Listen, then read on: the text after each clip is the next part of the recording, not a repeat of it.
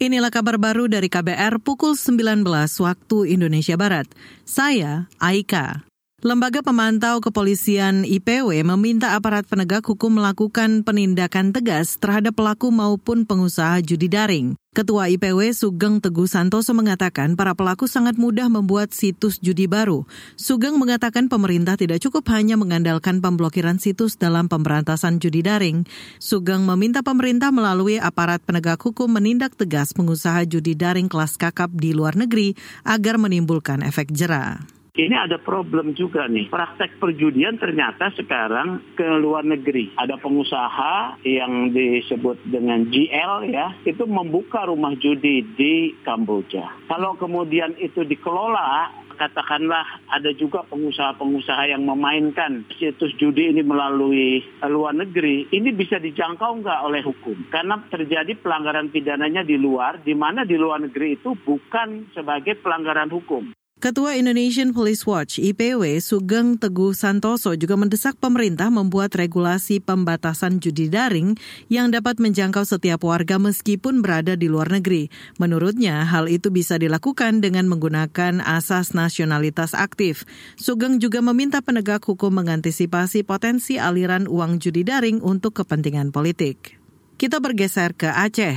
Bencana banjir menggenangi tujuh desa di Kabupaten Aceh Tenggara. Ketinggian air mencapai satu meter.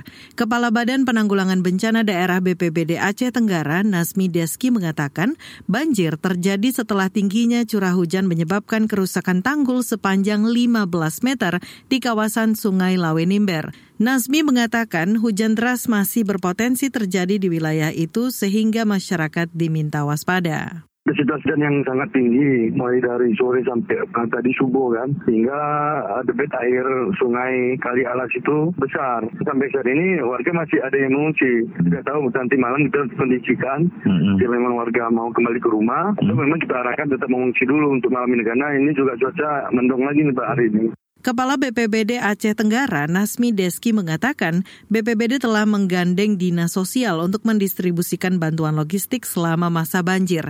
Pemerintah daerah juga membuka dapur umum untuk membantu para pengungsi. Saudara, BPBD belum memiliki data terkait jumlah pengungsi, korban jiwa maupun kerugian material akibat banjir ini. Kita ke informasi olahraga. Tim sepak bola wanita Swedia lolos ke semifinal Piala Dunia Wanita 2023 usai mengalahkan Jepang. Dalam pertandingan yang digelar di Selandia Baru hari ini, Swedia menang dengan skor 2-1. Kemenangan itu membawa Swedia melaju ke babak semifinal dan akan berhadapan dengan Spanyol yang sudah lebih dulu meraih tiket ke semifinal. Timnas wanita Spanyol memastikan tempat di empat besar setelah mengalahkan Belanda di perempat final.